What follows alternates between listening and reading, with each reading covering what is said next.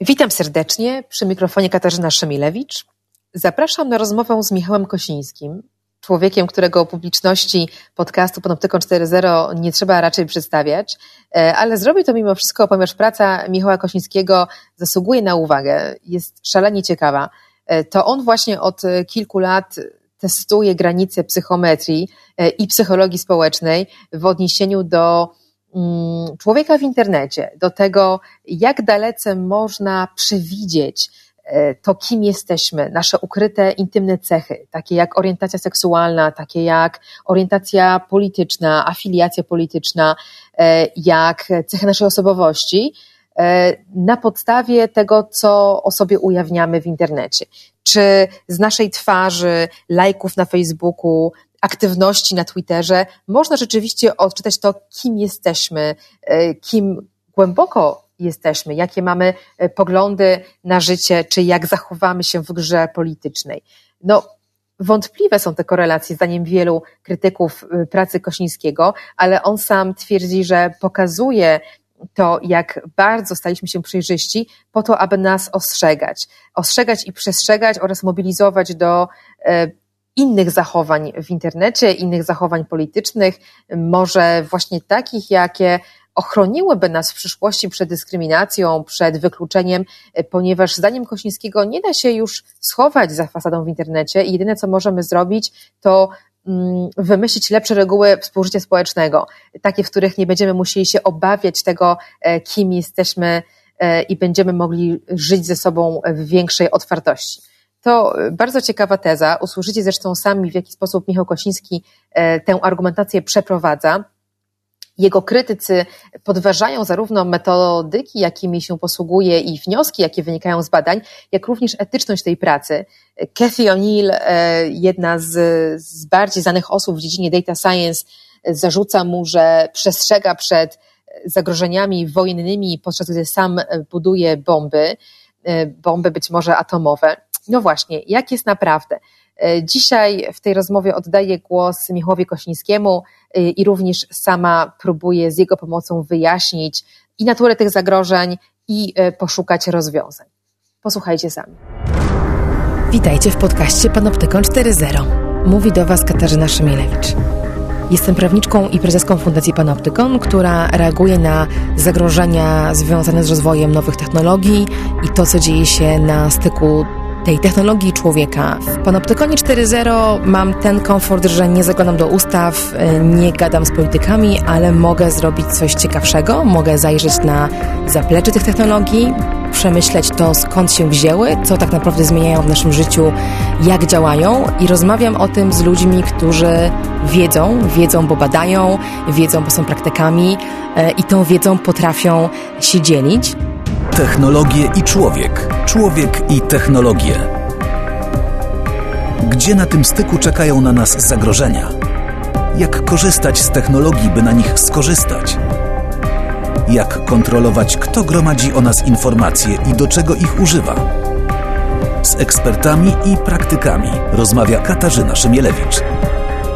Panoptykon 4.0 Podcast to KFM.pl i Fundacji Panoptykon.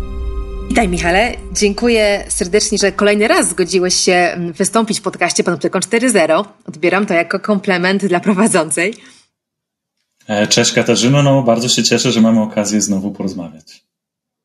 Ostatni raz udało nam się porozmawiać w 2019 roku e, i było to na fali medialnego zainteresowania możliwościami, jakie daje psychometria w marketingu politycznym i grach wyborczych. E, wszyscy świetnie pamiętamy aferę z Cambridge Analytica i Facebookiem w rolach głównych oraz to, że to właśnie Twoje badania dały dowód naukowy, podstawę do sądzenia, że z lajków, jakie zostawiamy na Facebooku, można wyczytać dość dużo na temat naszej osobowości. I od tamtej pory ty nie ustajesz w badaniach, które no, w zasadzie nie pozostawiają złudzeń, jeśli chodzi o to, że nasza prywatność w internecie tak jak sam często mówisz, e, nie istnieje. W zderzeniu z nauką o danych e, po prostu się już nie, nie ma jak obronić.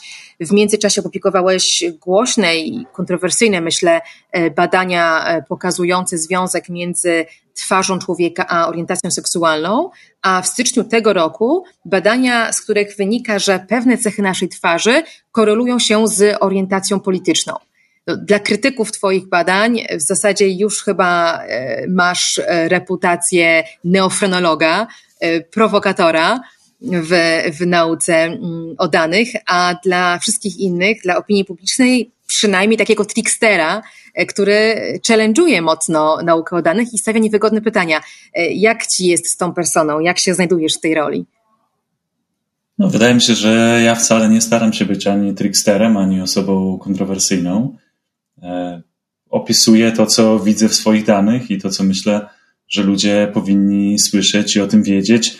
E, no myślę, że tutaj często ludzie zapominają o tym, że opisując zagrożenia wynikające z danego wirusa, czy z danej technologii, czy e, z danego urządzenia, no nie należy uznawać, że osoba, która takie zagrożenia opisuje, jest fanem tych zagrożeń albo cieszy się z tych zagrożeń. Ja tutaj robię to bardzo, wydaje mi się, wyraźnie to w swoich artykułach opisuję, że ja się tym przejmuję, o tym piszę, te zagadnienia badam, dlatego że jestem tym zaniepokojony i myślę, że e, więcej ludzi powinno być tym e, zaniepokojonych.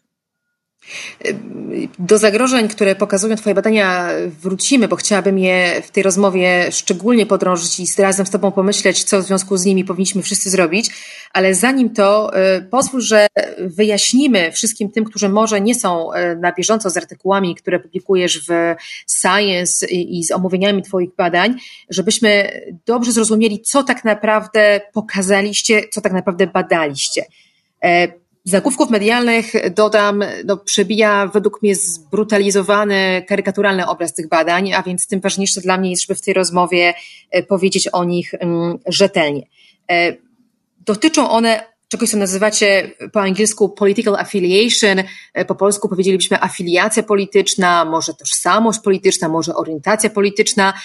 Mniejsza o słowo, większa o to, co to jest. Czym jest ta cecha, którą w badaniu próbowaliście uchwycić? Jak wy ją zdefiniowaliście jako badacze i jak rozumieli ją wasi badani? E, nasi badani, tych badanych było ponad milion z różnych e, grup badawczych, z różnych platform. E, I ci badani po prostu zadeklarowali w momencie, kiedy zapisywali się na daną platformę, był to serwis randkowy, był to Facebook, i zapisując się do tych platform, badani zadeklarowali się, czy widzą się jako osoby liberalne, czy jako demokraci w Stanach Zjednoczonych, czy też jako osoby konserwatywne, czy też republikanie e, w Stanach Zjednoczonych. I oczywiście no, są to bardzo szerokie kategorie i są to kategorie, pomiędzy którymi e, granica jest często ruchoma. Często ludzie zmieniają swoje, e, swoją afiliację e, polityczną. E, bardzo wielu ludzi jest gdzieś w centrum i teraz oni wybierając albo jedną, albo drugą stronę, no można powiedzieć, że czasem jest to wybór praktycznie losowy, bo jeżeli ktoś jest gdzieś bardzo blisko centrum, e, no to często być może od dnia, godziny, czy e, tego, czy urodził się w takim mieście, czy w jakim mieście, może z tego wynikać jego wybór. Tylko chciałem tutaj podkreślić, że to, że no te dane nasze, ten, po angielsku ten ground truth, czyli ta zmienna, którą przewidujemy w naszych badaniach, którą pokazujemy, że algorytm może przewidzieć, to, że ta zmienna nie jest perfekcyjna, że mogła ona być dużo lepsza, że są to tylko dwie kategorie, a nie cztery albo pięćdziesiąt, albo nie jest to na przykład skala, no to to ogranicza dokładność algorytmu. Jeżeli mielibyśmy dostęp do danych dokładniejszych, to prawdopodobnie, niestety, dokładność tych algorytmów, o której tutaj ostrzegamy w naszych badaniach, byłaby jeszcze wyższa. Mnie w tej zmianie niepokoi e, coś innego. E, e, raczej to, że jest ona, ta, ta cecha, którą tutaj ujawnili badani, jest bardzo subiektywna. I tak jak sam tłumaczysz w paperze, który opublikowaliście, w tym źródłowym materiale, do którego warto sięgnąć, bardzo do tego wszystkich zachęcam, E, tłumaczysz to, że my wybierając naszą afiliację polityczną, odnosimy się do wyobrażonej wspólnoty, do miejsca w świecie, w którym się aktualnie znajdujemy, a więc e, osoba w Polsce, która e, uznaje siebie samą za liberalną, może mieć faktyczne poglądy i wykazywać konkretne zachowania polityczne, na przykład głosując na polityka konkretnego albo podejmując jakieś inne decyzje, zbliżone na przykład do konserwatysty w innym miejscu świata. Nawet w ramach samych Stanów Zjednoczonych różnice między Stanami są tak duże, dlatego że myślę, że nie byłoby nieuprawnione stwierdzić, że konserwatysta z jednego stanu to byłby liberał z innego. A więc ta subiektywność tych kategorii jest czymś, co dla mnie chyba najbardziej zaciemnia to, co tak naprawdę wynika z badań. Katarzyna, masz rację, że są to subiektywne e, kategorie i kategorie, które różnią się pomiędzy krajami. To, co lewica i prawica znaczy w Polsce, jest to troszeczkę inne, albo nawet cał, e, no, całkowicie na pewno nie, ale myślę, że mocno inne. inne. W pewnym stopniu inne niż w innych miejscach, a jednak e, są też wyniki pokazujące, że nasze poglądy polityczne są bardzo wysoko skorelowane. E, jak wysoko? Tak wysoko jak wzrost skorelowane z poglądami politycznych naszych biologicznych rodziców, a nie rodziców, którzy nas Ale teraz używasz kategorii pogląd polityczny. E, jak sam rozumiesz, e, jak sam zestawiałbyś te dwa pojęcia? Na ile orientacja konserwatywny, liberalny przekłada się na konkretny pogląd polityczny? Bo te, to nie jest dla mnie jasne. No to jest oczywiście też funkcją czasu i środowiska, w jakim żyjemy. Konserwatywna osoba dzisiaj będzie miała poglądy bardzo różne od konserwatywnej osoby 50, 100 czy 200 lat temu. Ale musimy pamiętać o tym, że te poglądy, czy nasza afiliacja e, z daną partią, czy z daną grupą, e, są to, e, można powiedzieć, wyraże, jest to wyrażeniem naszych często bardzo podstawowych tendencji psychologicznych. No tutaj przykładem na przykład jest tolerancja dotycząca niepewności. Jest to jedna z podstawowych cech psychologicznych, opisująca fakt, że niektórzy ludzie nie mają problemu z z chaosem, z byciem w sytuacjach, gdzie nie wiadomo, co się stanie, z nieświadomością jutra i tak dalej. Często ludzie nawet e, e, lubią być, niektórzy ludzie lubią być w takiej sytuacji, podczas gdy inni ludzie, ci, którzy mają niską tolerancję na niepewność, e, nie lubią takiej sytuacji. Oni lubią wiedzieć, co się stanie jutro, lubią mieć wszystko zaplanowane, lubią być w środowisku, które jest im dobrze znane. I te, ta bardzo prosta dynamika tej cechy psychologicznej nie tylko e, jest z nami jako ludźmi od bardzo długiego czasu, ale wyraża się ona także w dużo prostszych e, mózgach niż mózg człowieka. Nawet e, owady i różne robaczki mają też taką cechę, gdzie niektóre z nich są po prostu bardziej skłonne do tego, żeby eksplorować nowe środowiska, o których nie mają za dużego pojęcia, a inne lubią się trzymać blisko tego swojego domu, środowiska, w którym sobie wyrosły. I teraz te bardzo proste, e, ta bardzo prosta skala psychologiczna tutaj, rozróżniająca pomiędzy ludźmi z wysoką i niską tolerancją na niepewność, przekształca się w nasze bardzo skomplikowane zachowania polityczne, wybory polityczne, wybór jednego kandydata versus drugiego kandydata. No, również moja intuicja byłaby taka, że raczej cechy, jeżeli coś, to właśnie cechy osobowości przekładają się na to, jakich dokonuje wyborów w polityce.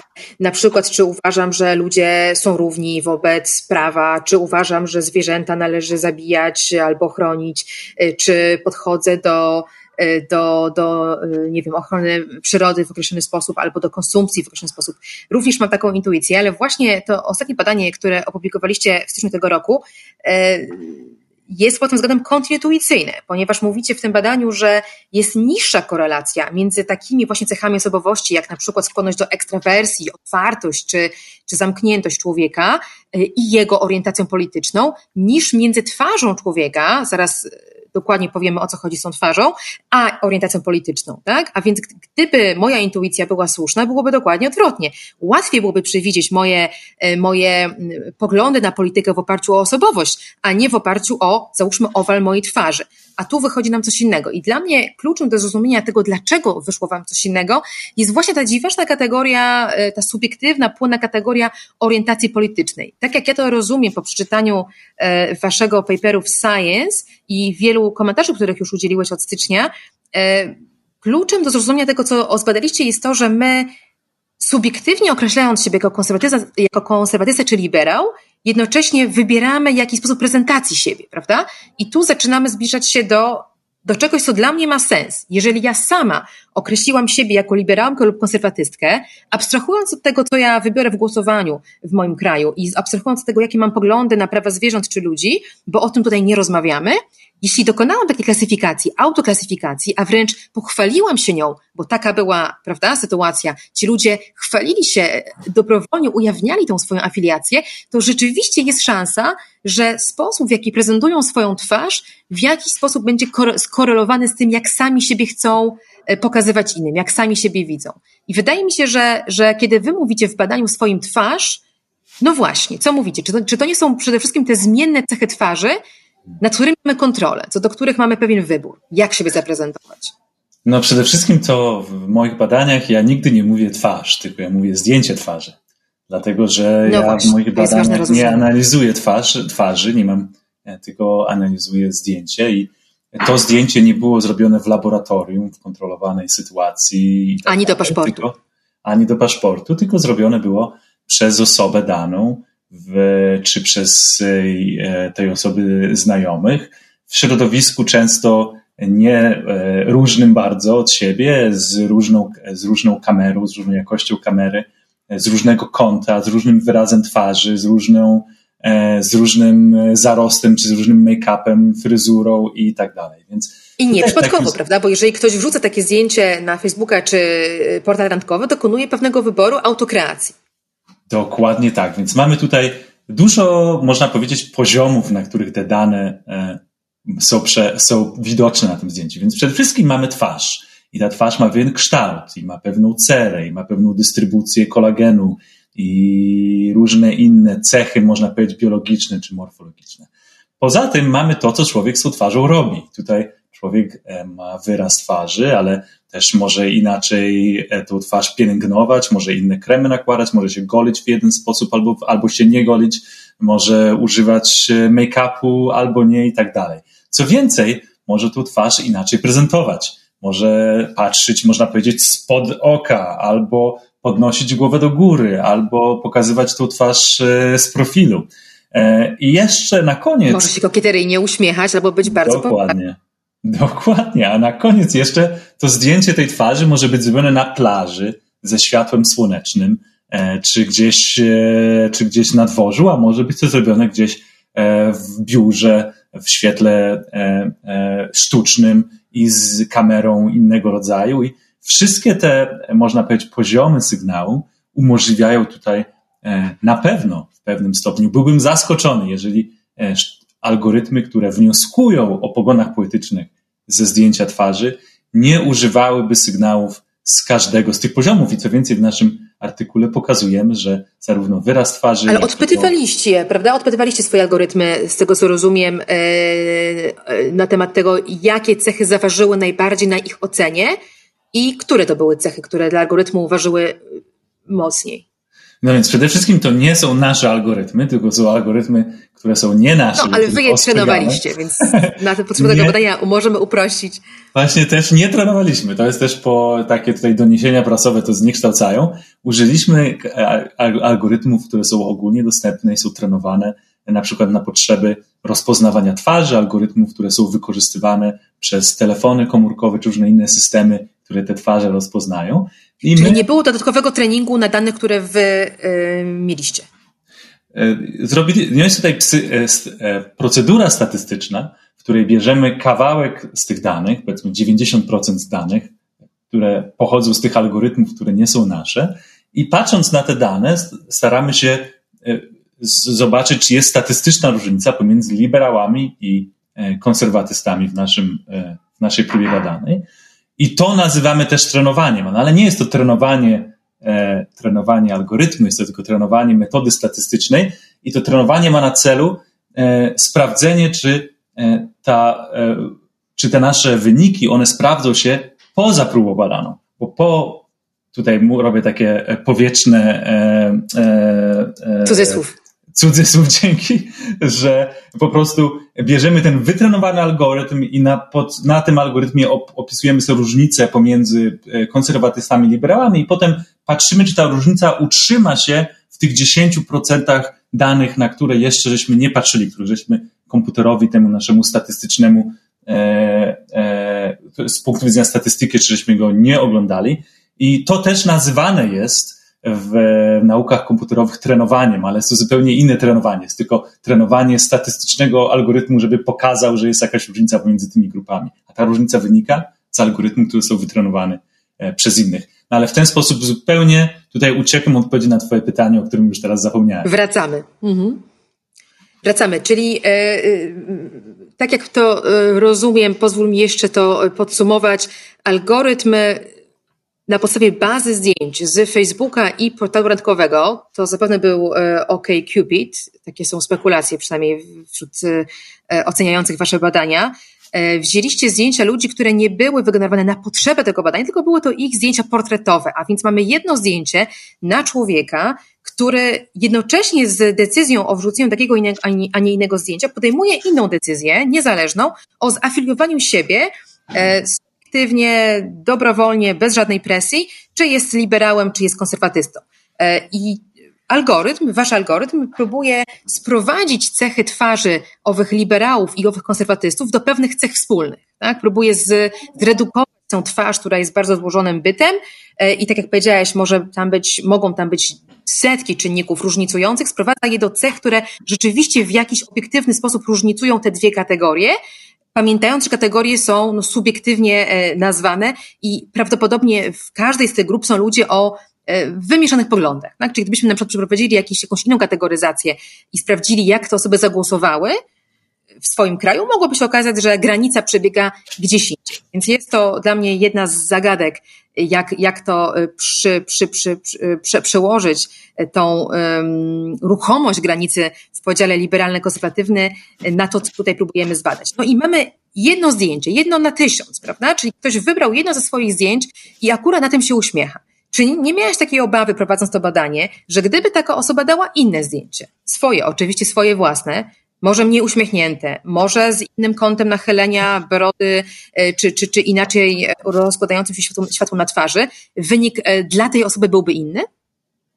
E, być może byłby inny, ale tutaj podstawą tego badania jest to, żeby pokazać, że to zdjęcie, które osoba wybrała, jest bardzo, bardzo pozwala algorytmom prywatność tej osoby tutaj zinwigilować. Więc e, oczywiście też osoba e, robi zdjęcia, których nikomu nie chce pokazać i, e, i kasuje sobie różne zdjęcia z telefonu, ale na koniec dnia jedno z tych zdjęć trafia do internetu jako zdjęcie profilowe. I celem naszego badania nie jest pokazanie, że każde ze zdjęć osoby, tego nie wiemy i tego nie badaliśmy. I co więcej, to z punktu widzenia prywatności ma dużo mniejsze znaczenie, bo oczywiście zdjęcia, które ludzie wybierają i które umieszczają w tym internecie, którymi się chwalą i którymi się dzielą, to zdjęcie jest najbardziej dostępne dla rządów, instytucji, e, wywiadów e, innych krajów, e, które na to zdjęcie wtedy mogą sobie zupełnie spokojnie patrzeć. Proszę pamiętać o tym, że my zawsze, można powiedzieć, że przez większość życia tą twarz swoją w jakiś sposób modyfikujemy. Jeżeli, Katarzyno, przekraczasz granicę innego kraju, to twoja twarz nie jest E, można powiedzieć, jakąś losową próbką ze wszystkich Twoich twarzy, Katarzyno, tylko jest to twarz, która może, e, e, która nosisz swoje ulubione okulary i masz swój ulubiony make-up albo swój ulubiony brak make-upu. Masz swój wyraz twarzy, który zwykle przyjmujesz, jak rozmawiasz z celnikiem czy z pogranicznikiem. Więc jeżeli ktoś wytrenował go algorytm na tych zdjęciach twarzy, to oczywiście też można powiedzieć, posłuchaj, ale ktoś robi zdjęcie pod prysznicem, to na pewno to zdjęcie jest dużo inne jest to oczywiście. Myślę raczej o sytuacji, w której mam kilka zdjęć. E, każdy z nas, doświadczając e, bycia w internecie, e, mierzy się z tymi wyborami, na którym portalu przybieramy którą twarz. Wielu z nas na Facebooku ma jedną twarz, dla tak zwanych przyjaciół, na portalu takim jak LinkedIn, który służy do nawiązywania relacji zawodowych, ma inną twarz. W paszporcie ma trzecią twarz. To wszystko są oficjalne zdjęcia tej samej twarzy, które jednak z perspektywy tego, co na co patrzył algorytm, którego użyliście w badaniu, e, mogłyby te twarze dać inny rezultat, jeśli chodzi o, o afiliację polityczną. E, więc no, tu wydaje mi się, że akurat e, ciekawe byłoby dla mnie osobiście powtórzenie tego badania na innych zdjęciach tych samych osób. Gdyby była taka możliwość, może dowiedzielibyśmy się, na ile, na ile właśnie ta korelacja przesuwa się w tę lub inną stronę, w zależności od tak prostych rzeczy, jak to, czy uśmiecham się, czy nie. Bo przecież wyszło wam, prawda, w badaniu, że e, konserwatyści trzymają twarz, e, przepraszam, głowę nieznacznie wyżej i chyba, o ile pamiętam dobrze, uśmiechają się nieco mniej? Czy, czy coś takiego wyszło w badaniu? Takie wyszły wyniki, ale te różnice w uśmiechaniu, w trzymaniu głowy, no były to bardzo różnice małe. I to, co tutaj algorytm ma nad nami wielką przewagę, ponieważ jest w stanie właśnie taką małą ilość sygnału e, z, z wielu różnych czynników, które na twarzy są widoczne, zgrupować razem i na podstawie tych wielu czynników, który każdy z nich z osobna jest czynnikiem nie bardzo istotnym. To, czy się uśmiechasz, czy nie, nie pozwala bardzo dokładnie odróżnić między liberałem a konserwatystą, może pozwala mieć, osiągnąć 1% dokładności powyżej e, tego rzutu monetu. A to, czy na I przykład. Te, te miary publikowaliście. One są dostępne dla, dla tych, którzy chcą dowiedzieć się więcej, co ważyło w ocenie algorytmu. Te konkretne miary, o których teraz mówisz, one są dostępne dla innych dostępne badaczy? w artykule. Tak, są dostępne hmm. w artykule jako. I tutaj, co ciekawe, to, że nawet po, e, spędziliśmy trochę czasu, żeby wymyśleć, bo oczywiście problem z nowoczesnymi algorytmami sztucznej inteligencji jest taki, że wiadomo, że ten algorytm może coś zrobić, ale nie wiadomo dokładnie dlaczego, bo te siatki, siatki neuronowe są bardzo skomplikowane i po prostu patrząc na nie bardzo trudno, trudno ocenić, co tam się w środku w tej czarnej skrzynce dzieje. W związku z powyższym spędziliśmy trochę czasu wymyślając, zastanawiając się, dlaczego ten zdjęcie profilowe pokazuje algorytmowi, czy pozwala algorytmowi domyślić się e, afiliacji politycznej i stworzyliśmy kilkanaście czy kilkadziesiąt różnych czynników, które nam się wydawało mogą mieć związek, tak jak na przykład orientacja głowy, czy, czy, czy w górę, czy w dół, czy w lewo, czy w prawo się patrzy. E, patrzyliśmy na wyraz twarzy, na to, czy ktoś nosi okulary, czy nie, czy ktoś ma brodę, czy nie i tak dalej. I każdy z tych czynników był w pewnym stopniu bardzo małym, ale statystycznie istotnym stopniu związany z polityczną orientacją. Ten związek był znowu jednego, dwóch, trzech, czterech procentów powyżej żółtem monetą. Ale co się okazuje, e, to to, że e, nawet jeżeli te wszystkie czynniki, które tutaj my żeśmy wymyślili, się doda, to dokładność jest może jednej trzeciej, w jednej trzeciej wysokości tego, co ten algorytm, czy w połowie tego, co ten algorytm może w sumie osiągnąć.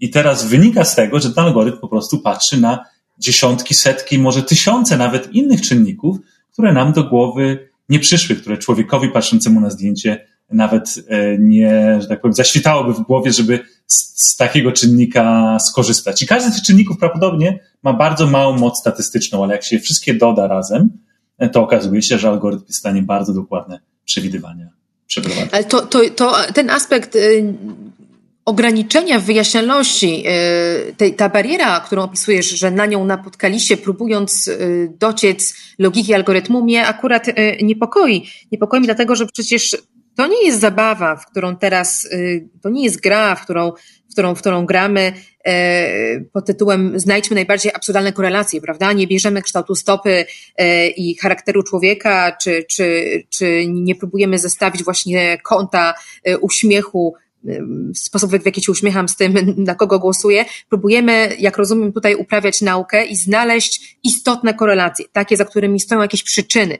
I o ile dla mnie jest bardzo logiczne i spójne to, że człowiek, który uważa się, bo to podkreślam, to jest niezwykle ważne, te osoby uważały się same za konserwatystów lub liberałów na tle swoich społeczności, one również wybrały jakiś sposób prezencję, one również wybrały konkretne zdjęcie, które wrzuciły do sieci i na tym zdjęciu przybrały jakiś wyraz twarzy. I to, że istniałaby korelacja między tym sposobem prezencji twarzy, a tożsamością, którą sam ktoś sobie przypisuje, ani mnie nie szokuje, ani mnie nie dziwi. Ale jeżeli mówisz, a tak słyszę to, co powiedziałeś przed chwilą, że te cechy, które my potrafimy zrekonstruować, może w jednej trzeciej tylko pozwalają przewidzieć orientację polityczną, a pozostałe cechy są zagadką, a więc mogłoby być tak, czy dobrze myślę, że mogłoby być tak, że to kąt badania światła był decyzyjny dla algorytmu w jakimś stopniu i, równe, i, i różne podobnie przypadkowe czynniki mogłyby zaważyć, to wtedy to się przestaje trzymać kupy. Katarzyno, e, przede wszystkim nie możesz powiedzieć przypadkowe, bo jeżeli one byłyby przypadkowe, to nie dawałyby mocy predykcyjnej. Przypadkowe dla tego zdjęcia, bo przecież mówimy cały czas o jeżeli byłyby w zestawieniu z... Mhm. Jeżeli byłyby przypadkowe, to znaczy, że nie ma różnicy. Przypadkowość oznacza, że powinny być tak samo przypadkowe dla liberała, jak i dla konserwatysty. Jeżeli ta cecha pozwala algorytmowi odróżnić między liberałem a konserwatystą, to znaczy, że nie jest ona przypadkowa, tylko jest związana z wyborami, albo z, miejsc, z wyborami zdjęcia danej grupy, albo z wyborem z miejsca, w którym to zdjęcie jest zrobione, albo z wyborem kosmetyku czy e, modelu telefonu komórkowego, z którego to zdjęcie jest zrobione.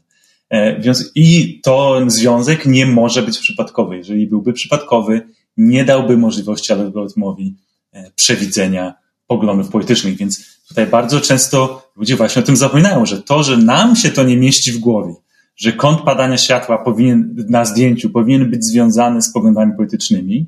E, być może konserwatyści mają tendencję, żeby robić sobie zdjęcia, czy wybierać zdjęcia, które zrobili wieczorem, a liberałowie może robią, lubią zrobić zdjęcia rano. To, że nam się to wydaje zupełnie idiotyczne, to wcale nie znaczy przede wszystkim, że taka zależność nie istnieje, taka zależność może istnieć ta zależność być może jest bardzo malutka, być może tam jest tylko pół procenta albo ćwiarteczka procenta różnicy pomiędzy przeciętnym liberałem, przeciętnym konserwatystą, ale algorytm może takich czynników, kąt padania światła, e, rodzaj kamery, e, co, jaką ktoś ma fryzurę, jaką ktoś ma e, zarost i tak dalej, dodać te setki czy tysiące czynników i z całą pewnością to robi.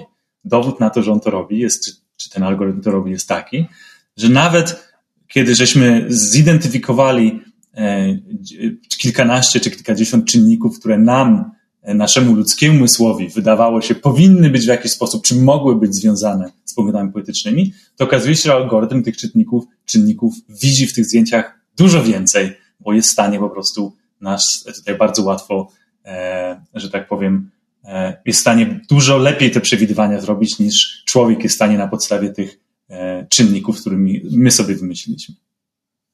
E, ciekawe, czyli e, wbrew temu, co jak, jak odebrali komentatorzy medialni wasze badania kojarząc je głównie z neofrenologią, czyli taką pseudonauką, która kojarzyła ukryte cechy człowieka, takie jak e, tendencja do przestępczości, czy, czy właśnie jakieś poglądy polityczne, być może można byłoby przypisać do naszej genetyki, naszego DNA. Tutaj można byłoby szukać takich e, związków, jak to, w jakim klimacie żyję, ile mam słońca wokół siebie, ile mam pieniędzy, e, raczej tego typu czynników, jako wpływających na to, jaką orientację polityczną wybieram dla swojej społeczności. No przede wszystkim to frenologia nie zajmowała się badaniem związku DNA z cechami psychologicznymi. Tym zajmuje się psychologia i jednym z najlepiej znanych faktów psychologii, najlepiej potwierdzonych faktów psychologii jest to, że nasze cechy psychologiczne od osobowości poprzez inteligencję do różnych innych cech są w bardzo dużej mierze genetycznie uwarunkowane. Te tutaj współczynniki tego, w jakim stopniu te cechy dostajemy od naszych biologicznych rodziców, są na poziomie takich cech jak na przykład wzrost. Jeżeli akceptujesz, że wzrost się otrzymuje po rodzicach e, biologicznych, to tak samo się otrzymuje po tych rodzicach osobowość, inteligencję, poglądy polityczne e, no. i całą masę różnych czynników. Tylko tym się frenologia nie zajmuje. Czym się frenologia zajmowała, bo dzisiaj miejmy nadzieję, że zbyt dużo ludzi się tym nie przejmuje, nie interesuje, bo są dużo ciekawsze rzeczy do E, badania, to jest to, zajmowała się związkiem kształtu nosa i kształtu e, ust z poglądami politycznymi. Jasne, przy czym one mają swoje źródło w genach, stąd mój skrót myślowy. Chodziło o ten determinizm, prawda, że bardzo brutalnie to przedstawiając, jeśli masz zbyt szerokie czoło, to twoja, twoje ryzyko zejścia na złą ścieżkę przestępczości jest większe. Sam mówisz w wywiadach, że no, fenologia była pseudonauką i oczywiście myliła się, ale nie znaczy to, że każda z jej tez dzisiaj, że, że, że, że niektórych z jej tez nie dałoby się dzisiaj potwierdzić metodami naukowymi. Czy ty sam swoje badania interpretujesz w tych kategoriach? Jakoby wynikało z nich, że istnieje silny determinizm pomiędzy naszymi genami, naszym DNA, naszymi cechami fizycznymi, a tym, jak w społeczeństwie funkcjonujemy, jakie mamy poglądy na życie czy politykę. Czy taką tezę ty sam byś wysuwał? Bo ja Katarzyno, tego... ja nie jestem tym bardzo zainteresowany, więc ja osobiście po prostu nie jestem zainteresowany związkiem kształtu nosa z kogoś poglądami politycznymi. Moje badania, jestem często pytany o to, jakie są związki między wyrazem twarzy, poglądami politycznymi i tak dalej. Ja nie jestem tym bardzo zainteresowany. Ja jestem zainteresowany ryzykami dla prywatności. I ryzyka dla prywatności wynikają z tego, że algorytm patrzy sobie na zdjęcie twarzy i jest w stanie tą poglądy polityczne, orientację seksualną, osobowość i wiele innych cech z tej twarzy wyczytać. I to jest dla mnie czynnik interesujący. Teraz... Ale dzięki temu, że udowadniasz, że taka korelacja istnieje, w pewnym sensie zachęcasz wszystkich y, ludzi, którym bliskie są y, poglądy, które przywołaliśmy przed chwilą, do eksperymentów idących w tym kierunku, a więc do prób odgadywania, co ten człowiek myśli albo co on za chwilę zrobi na bazie jego twarzy. Ja nie widzę tego połączenia. Jeżeli jeżeli badałbym ryzyko wynikające z koronawirusa i zrobił badania pokazujące, że koronawirus jest niebezpieczny dla osób powyżej lat 60 i jest niebezpieczny z tego i owego powodu, to nie powiedziałabyś, że moje badania teraz zachęcają ludzi do tego, żeby e, tym, tym wirusem zabijać ludzi powyżej lat 60 oraz e, no tutaj, e, że jest jakiś negatywny wynik z tych badań. Jeszcze raz, ja zarówno nie stworzyłem koronawirusa, przynajmniej się do tego nie przyznaję, e, oraz też nie stworzyłem tych algorytmów sztucznej inteligencji, e, które naszą twarz mogą rozpoznać e, pomiędzy różnymi zdjęciami. Zgoda, ale ci, którzy je stworzyli, nie użyli do tego celu przed, przed, przed, przed wami, czyli nikomu nie przyszło głowy, że można byłoby taką argumentację przeprowadzić, że oto algorytm, który został wytrenowany do rozpoznawania, czy Kowalski na zdjęciu to jest ten sam Kowalski, który stoi przed nami, na przykład przekraczając granicę, użycie tego algorytmu do próby skorelowania twarzy Kowalskiego na podstawie jednego z jego wielu możliwych zdjęć z y, taką y, subiektywnie wybraną y, z własnego doświadczenia, jakby określoną orientacją polityczną, to jest nowatorskie i to jest jednak pewien kąt patrzenia, e, który wy wybraliście. To znaczy, ty dokonałeś takiej decyzji jako badacz i to jest ciekawe. Ciekawe dla mnie jest rzeczywiście zrozumienie, dlaczego takie, a nie badanie. Czy widzisz poza ostrzeganiem, o którym mówiłeś, czy widzisz jakąś społeczną wartość takiej wiedzy i czy w ogóle uważasz, że jakaś wiedza o nas, ludziach, e, z tego, co ustaliliście w badaniu wynika? Jakaś wiedza na temat naszej osobowości czy naszych poglądów? Taka wiedza, którą da się przełożyć na inne sytuacje? Katarzyno, więc przede wszystkim nie masz racji. E, to nie jest prawda, że ja wymyśliłem sobie takie zastosowanie tego algorytmu. Zastosowanie algorytmów rozpoznawania twarzy do oceniania cech intymnych człowieka jest znanym użyciem tych algorytmów.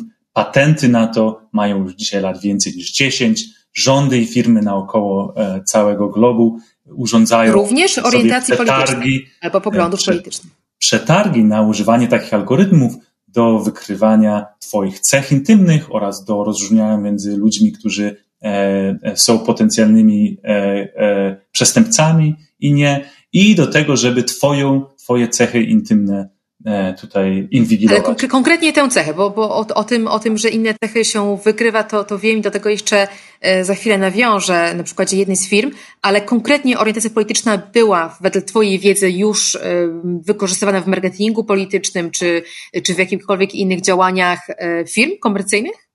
Odgadywana z twarzy? Już Katarzyno, jestem ostatnią osobą, której firma pochwaliłaby się na temat tego, co konkretnie robi, ale jeżeli popatrzysz na patenty tych firm, które lat, mhm. jak mówią, mają już więcej niż 10 i patrzysz na przetargi, które urządzają rządy i instytucje, które na przykład zarządzają lotniskami, czy, e, czy e, są w systemie obronności krajów, to te instytucje proszą startupy na całym świecie, w Dolinie Krzemowej, w Izraelu, w innych miejscach, do tego, żeby stworzyć dla nich algorytmy, wytrenować algorytmy, które będą intymne cechy ludzie e, wykrywały. Teraz bardzo często w takim przetargu zestaw cech intymnych jest nieokreślony. Bardzo często w tym przetargu firma czy rząd zamawiający taką technologię powie, proszę o stworzenie algorytmu, który dowolną cechę, którą sobie tutaj zadeklaruję i wrzucę do systemu, żeby ten algorytm mógł mi przewidzieć. Jeszcze raz, ponieważ ja jestem badaczem zajmującym się ochroną prywatności, więc ja będę ostatnią osobą, której ktoś się pochwali, co konkretnie ten algorytm w danym e, kontekście e, przewiduje. Ale nie możesz mi oskarżyć o to, że ja wymyśliłem sobie takie tej nowatorskie zachowanie. Za, e, ja nie wymyśliłem koronawirusa koronawirus. Nie oskarżam, nie oskarżam, tylko próbuję zrozumieć e, decyzję, jaką podejmuje badacz, e, planując e, wykorzystanie swoich talentów i, i zasobów, takich jak dane, do których ma dostęp i algorytmy. Mogę sobie wyobrazić wiele innych ciekawych użyć algorytmu do rozpoznawania twarzy. niż, niż właśnie to, szczególnie, że cecha, którą rozumiem, nie tyle wybraliście, co po prostu mieliście ją dostępną na Facebooku i na portalu randkowym, czyli afiliacja polityczna jest tak właśnie niestabilna, e, subiektywna i zmienna. Więc dla mnie osobiście to odkrycie, które wynika z waszego badania, nie jest ani przerażające, ani obrazoburcze, bo tak jak powiedziałam chwilę temu, no nie dziwi mnie, że musi istnieć korelacja między sposobem, w jaki ja się prezentuję na zdjęciu, które własnoręcznie zrobiłam albo wybrałam ze swojej biblioteki zdjęć oraz tą tożsamością, którą znowu świadomie eksponuję w tym samym miejscu. Natomiast byłoby dla mnie zaskoczeniem, gdyby wiele innych moich zdjęć korelowało się równie dobrze z tą tożsamością. Tu myślę, że to mogłoby się e, nieco rozjechać. Ale wracając do, do zagrożeń, o których mówiłeś, bo to y, może jest ciekawsze y, dla nas, żebyśmy sobie je tutaj obejrzeli. Y, jaka byłaby Twoim zdaniem no, najgorsza, najgorsze możliwe wykorzystanie tego właśnie, co Wy odkryliście? Czyli załóżmy, że... Katarzyna, nie odkryliśmy niczego. Ja powiem to, że to, że ty nie jesteś zaskoczona tym, że zdjęcie profilowe danej osoby może być wykorzystane, żeby z dużą dokładnością określić poglądy polityczne, orientację seksualną, osobowość i inne nie cechy poglądy, tej nie osoby. poglądy. Bo poglądy to jest coś innego, mówiliśmy. No tutaj moglibyśmy mieć całe debaty na temat, jaki jest związek między tymi cechami, ale może się od niej debat na razie odsuńmy. Ale to, że jest dla ciebie to żadną nowością, no to ja jestem zaskoczony, bo szkoda, że e, zarówno mnie, jak i E, e, prawodawcom czy policy makers, którzy zajmują się tworzeniem prawa ochrony prywatności. Wcześniej tego nie powiedziałeś. Szkoda, że nie powiedziałaś tego wcześniej Facebookowi, który e, kilka dni po publikacji naszego artykułu wyłączył publiczny dostęp do zdjęć profilowych wszystkich ludzi na tym portalu. Przed publikacją mojego artykułu. To doskonały skutek badań. Gratulacje. Więc dziękuję bardzo. Więc to, że tutaj staram się zamiast e, tylko, e, zamiast tutaj rozwijać różne, różne wizje końca świata i ostrzegać przed terminatorem, który przyjdzie nas tutaj rozstrzela, zamiast, zamiast robić takie różne tutaj e, publicystyczne i medialne różne sztuczki, staram się rzetelnie i uczciwie opisywać, w jakim stopniu dany algorytm jest dla nas zagrożeniem. Co więcej, podczas opisywania Właśnie tego zagrożeń podjąć, czyli zatrzymajmy się przy zagrożeniu. Co, co najgorszego można byłoby uczynić, y, może nie tyle, może niekoniecznie najgorszego, co, y, jakie, jakie niepokojące po prostu dla ciebie, y, nie, stopniują, nie stopniując tego jakoś radykalnie, użycie tej wiedzy sobie wyobrażasz? Dlaczego ciebie to niepokoi? Niepokoi mi to dlatego, że mamy bardzo dobre zrozumienie w społeczeństwach wielu tego faktu, że e, prywatno, ochrona prywatności jest ważna dla bezpieczeństwa publicznego, dla e, samopoczucia dobrego i szczęśliwości ludzi, dlatego, żeby chronić nas przed instytucjami czy organizacjami, e, które chciałyby tutaj uzyskać wpływ na społeczeństwo czy na jednostki w sposób, który byłby dla tych społeczeństw czy jednostek niebezpieczny. Dlatego cechy takie jak poglądy polityczne, orientacja Ale seksualna. Ale nie, nie, nie gadajmy o tym ja, takie jak. Pogadajmy przez chwilkę o tej konkretnej, bo autentycznie mnie to interesuje. Powiedziałam o tym, że nie dziwi mnie, nie powiedziałam, że, że, że sama przewidziałabym związek. Ja zresztą ten, ten związek procentowy, który wykazujecie w badaniu na poziomie 70%, to jest dla mnie po prostu liczba. Trudno mi z nią polemizować. Nie jestem badaczką, nie mam metodyki, żeby, żeby podważać waszą. E, tego robić nie będę.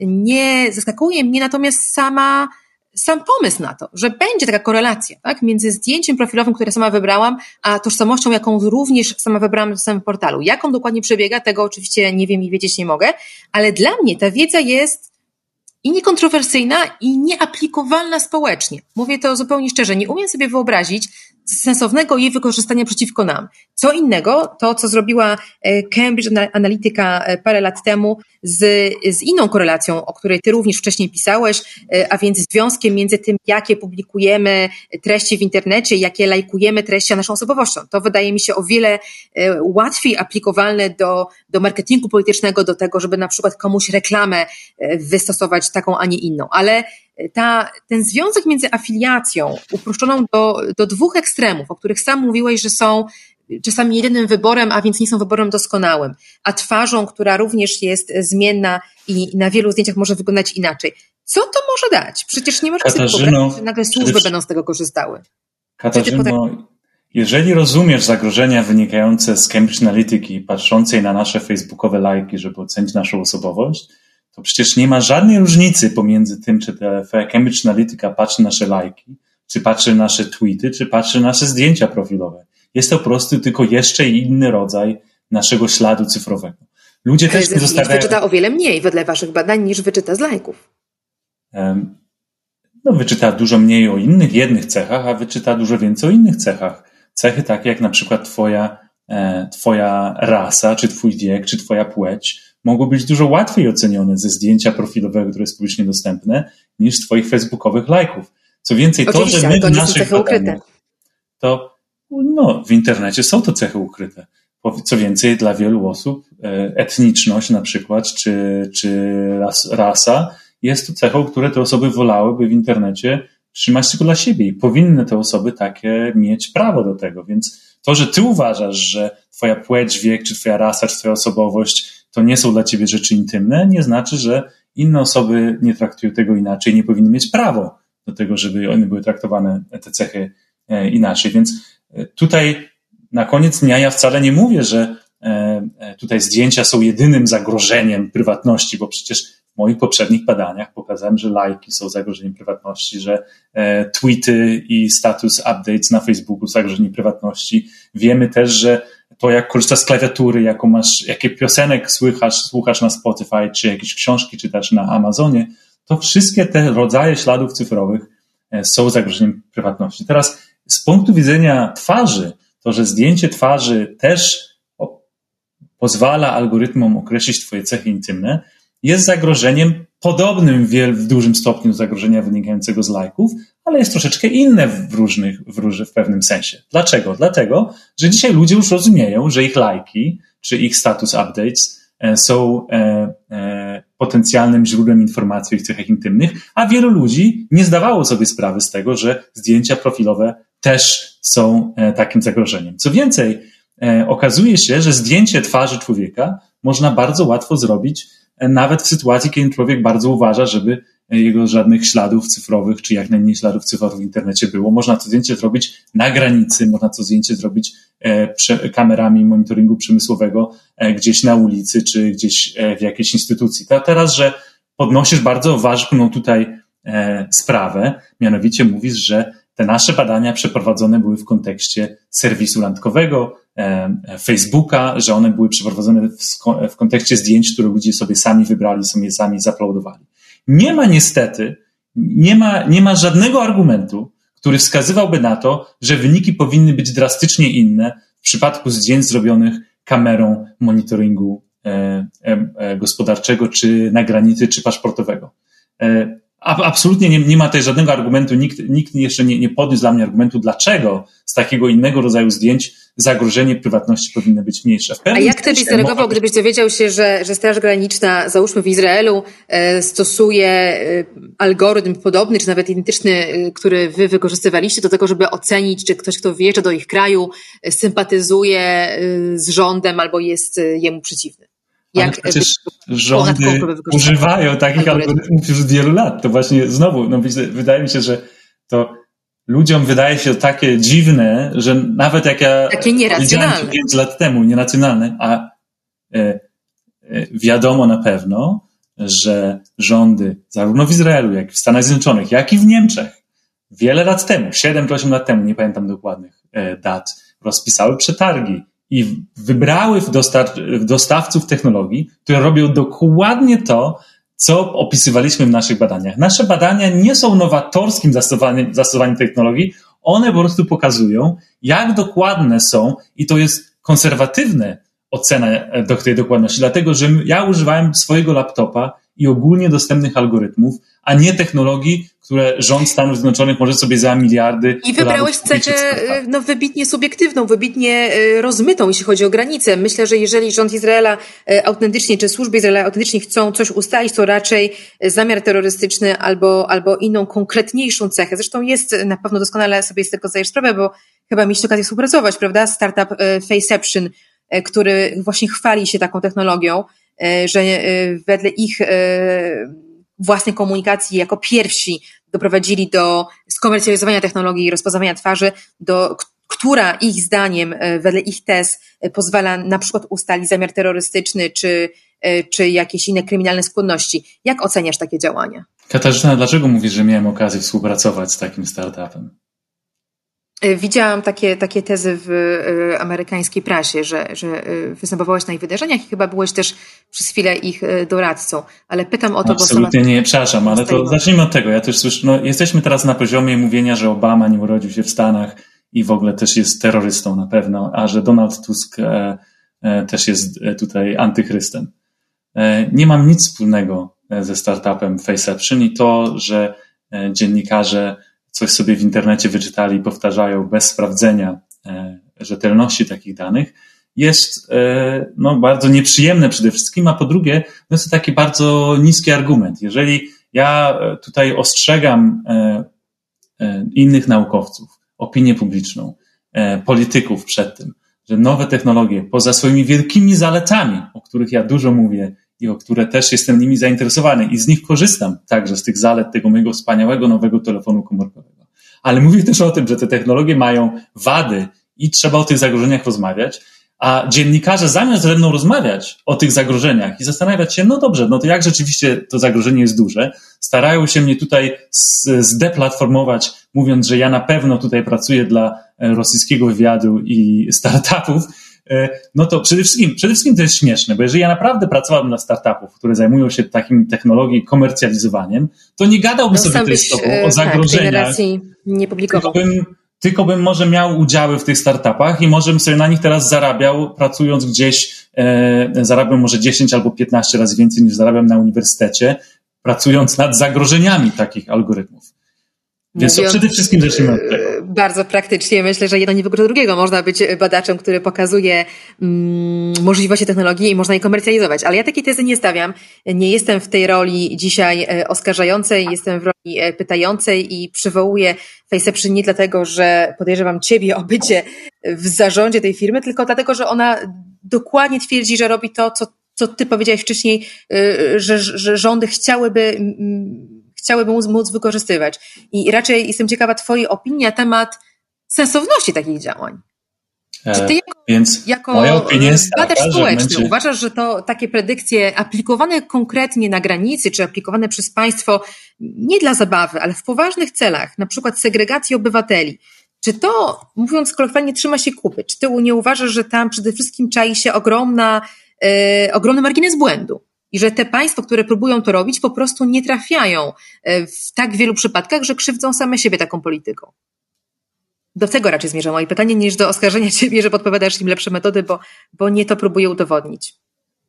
Więc przede wszystkim byłoby wspaniale, gdyby okazało się, że te technologie, które te startupy i państwa dookoła świata używają, byłoby wspaniale, jeżeli okazałoby się, że technologie po prostu nie działają. Byłoby wspaniale, jeżeli okazałoby się, że broń nuklearna to jest tylko teoria spiskowa i tak naprawdę to e, bomby atomowe nie istnieją. Byłyby to najlepsze wiadomości, jakie chciałem tutaj Ci, Katarzyno, dzisiaj przynieść. Niestety, rzeczywistość jest odmienna. Technologia nuklearna jest bardzo niebezpieczna. Technologia wykrywania cech prywatnych z twarzy oczywiście nie jest nigdzie w tej samej kategorii co broń nuklearna, ale jest też bardzo niebezpiecznym zastosowaniem tej technologii. I niestety, jak startupy mówią nam o, na swoich stronach internetowych, jak rządy mówią nam w swoich przetargach, e, że te technologie mają taki potencjał, żeby osoby cechy intymne z bardzo poważną dokładnością wykryć, to one nie opowiadają nam bajek, tylko mówią nam no, prawdę. Tu właśnie nie jestem pewna.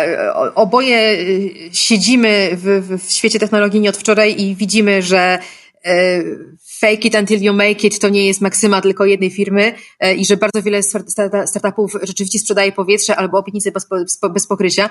Więc akurat co do tego, czy na, na ile ich patenty mają pokrycie w rzeczywistości, e, tutaj miałabym sama e, wiele, wiele pytań. Swoją drogą analiza patentów... Katarzyna, ja na te pytania odpowiadam. Formą, Mhm. Katarzyna, no właśnie, właśnie moje badania. Nie zatrzymałeś się na analizie patentów, tylko spróbowałeś zweryfikować to we własnych badaniach. Mhm. Dokładnie tak, więc zamiast straszyć tutaj wilkiem z lasu, albo sobie banalizować zagrożenia, mówiąc, że to na pewno niemożliwe, bo to co tam ze zdjęcia można wyczytać, to ja postanowiłem, że dokładnie właśnie zbadam, jak ważkie są te zagrożenia, o których znowu ja tych zagrożeń ani nie wymyśliłem, ani ich nie promowałem, tylko się o nich dowiedziałem tak samo jak i ty, dowiedziałem się od nich po prostu z literatury, doniesień prasowych. I w momencie, kiedy dowiedziałem się o tym, że firmy obiecują rządom, że one będą teraz twarzy rzeczy wyczytywały i w momencie, kiedy wiedziałem się o tym, że rządy i różne inne instytucje wydają ważkie pieniądze na to, a teraz te rządy nie są takie głupie, na pewno nie wydawałyby tylu pieniędzy na technologie, które są po prostu e, bajką. Zawsze jest jakaś część eksperymentalna, prawda, w takich budżetach. Może tak. Żeby pewną część pieniędzy przepuścić. Ale okazuje się, że niestety. Przyjmijmy w takim razie, że, że zagrożenie jest realne, e, mimo że cały czas e, ciężko jest mi to przyjąć na, na logikę, jaką się tutaj wspólnie posługujemy, bo dla mnie jednak, tak jak powiedziałam, nie jest zaskoczeniem to, że istnieją korelacje między wybranym przeze mnie zdjęciem, a orientacją polityczną, jaką sama sobie przypisuję. Pamiętając o tym, nigdy bym się będąc w roli ministra czy, czy strażnika na granicy, nie posunęła do takiego absurdu, jak wykorzystywanie cechy twarzy jako dowodu e, na to, że ktoś, kto stoi przede mną, na przykład nie powinien tej granicy przekroczyć, albo e, ma zamiary przestępcze, albo jakiekolwiek inne e, poglądy, które uważam za, za niepokojące. Myślę, że wyciąganie dowodu przeciwko człowiekowi z cech jego twarzy to jest jednak no, działanie absurdalne i mocna nadinterpretacja tego, niż wy wykazaliście. No to się w tym względzie się Katarzyno że, zgadzamy, ale to nie zakładając, znaczy, że, że ktoś to robi, zakładając, mm. że ktoś chciałby to robić, mm. jakie widziałbyś rozwiązania prawne? Czy to, co mm, próbujemy mm, wypracować w Unii Europejskiej, czyli takie reguły prawa, zgodnie z którymi algorytmów nie należy do ludzi stosować E, wówczas, kiedy nie możemy ich rozliczyć dokładnie z logiki, jaką się posługują i nie możemy zabezpieczyć ludzi przed błędami, e, czy taki kierunek wydaje Ci się wystarczający, czy widziałbyś jakieś inne rozwiązania, które jako badacz no, no chciałbyś, aby chroniły Ciebie, Ciebie obywatela, Michała Kosińskiego na granicy Izraela, żeby nikt Twojej twarzy nie nadinterpretował przeciwko Tobie?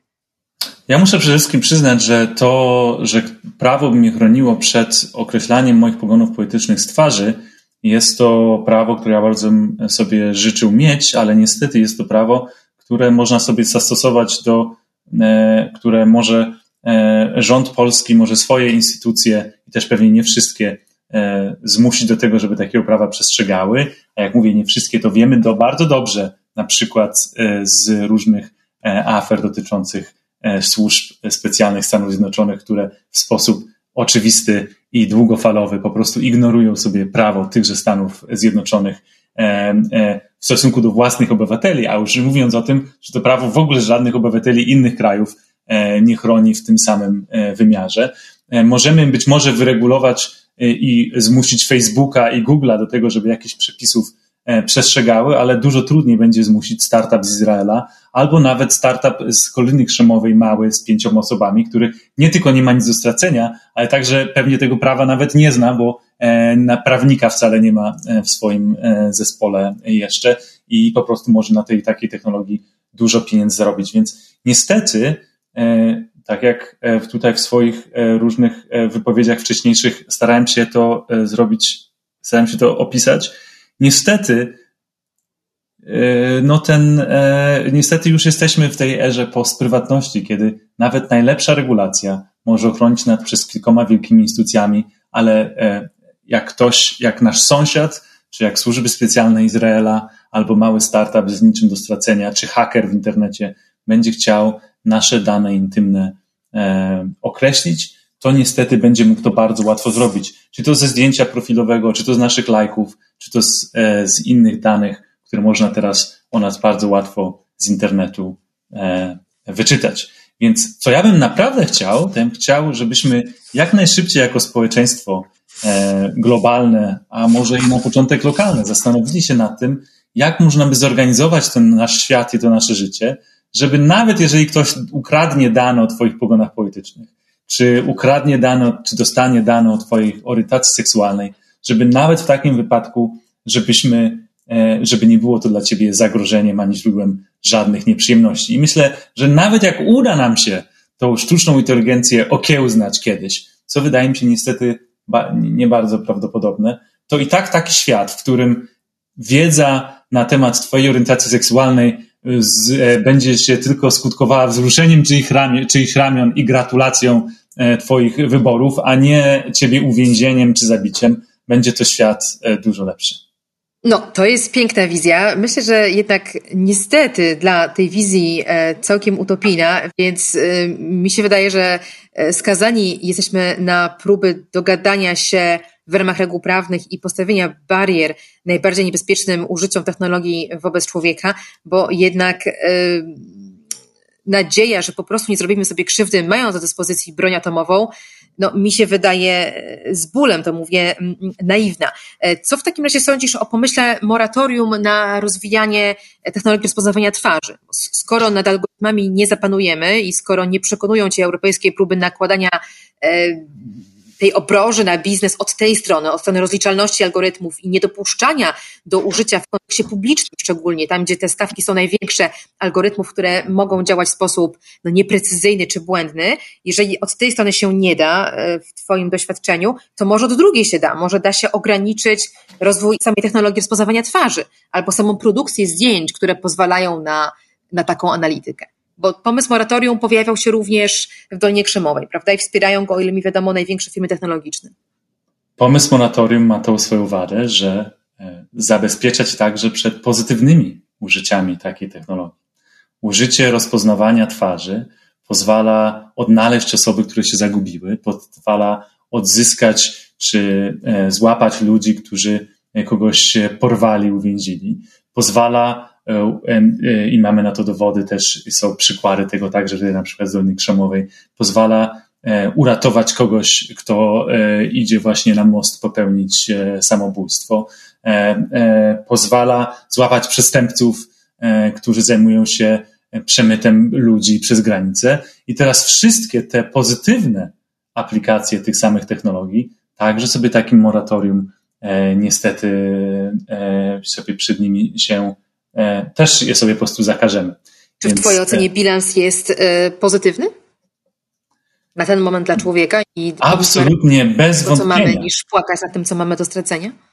Mam, jestem otoczony po prostu e, ludźmi, którzy, którzy żądają, żeby zamknąć Facebooka i zamknąć Google'a i zamknąć internet i zamknąć technologię rozpoznawania twarzy, którzy zapominają o tym, jakie niesamowite, ogromne korzyści te technologie e, zarówno dla jednostek, jak i społeczeństw, jak i demokracji e, nam przynoszą. I często są to elity, które żyją sobie w dużym mieście i dla tej elity z dużych miast, czy one mają tego Facebooka, czy nie mają, nie ma żadnego znaczenia, bo te elity spędzają sobie czas otoczone znajomymi, dobrze poinformowanymi, e, na różnych koktajlowych drineczkach, rozmawiając o polityce, o tym czy o tamtym, mając dostęp do ciekawych informacji, do rozrywki i tak dalej. Zapominając o tym, że ten Facebook, ten Google, ten internet są przede wszystkim niesamowitą zmianą i niesamowitym bonusem dla człowieka, który urodził się gdzieś w slumsie e, i nie ma dostępu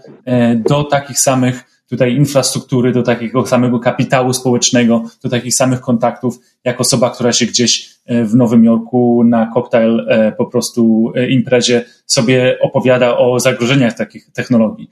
Nie zapominają no zgoda, co do tego klasowego podziału nie mogę się zgodzić bardziej, ale sam dałeś przykłady wcześniej w naszej rozmowie tego, w jakie tarapaty ta osoba ze slumsów może wpaść, kiedy e, w tym jednym momencie aparat państwa czy służb e, skieruje się przeciwko niej i oceni ją no, nieuczciwie w oparciu na przykład o przypadkowe e, zdjęcie. Więc pod tym względem nie wiem, szczerze mówiąc, bardzo trudna dyskusja, jaki ten bilans byłby dla osób wykluczonych na świecie, jeżeli takie technologie jak, jak te izraelskie, o których rozmawialiśmy dzisiaj, e, zyskałyby na popularności.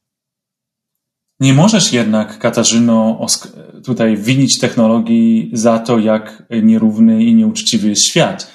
Dam Ci tutaj inny przykład. Powiedziałaś o tym e, na przykład, że rozwiązaniem problemu nie jest to, żeby zwiększyć tolerancyjność e, i, bez, i ochronę prawną, na przykład osób o różnych poglądach politycznych czy osób o różnej orientacji seksualnej, tylko to jest niestety bajka, która sobie wymyślam jedynym rozwiązaniem jest to, żeby zapewnić tym osobom prywatność. No takie myślenie na przykład nie stosuje się jednak do płci. Jeżeli ja tobie, Katarzyną, zaproponował, że rozwiązaniem problemu seksizmu jest po prostu danie e, osobom e, prywatności ich płci, to powiedziałabyś mi, mam nadzieję, że jest to pomysł zupełnie idiotyczny i co więcej, jest to pomysł zupełnie nietolerancyjny i pomysł obrażający dla kobiet bo kobiety i mężczyźni powinni mieć wolność do tego, żeby swoją płeć wyrażać, nie, nie powinni być zmuszeni do tego, żeby swoją płeć ukrywać, żeby mieć równy dostęp do pracy, do Oczywiście, tak oczywiście sprostuję tylko, że to właśnie ja w tej rozmowie wydaje mi się, jestem po stronie prawa i wiary, jeszcze jakiejś wiary w sens regulacji,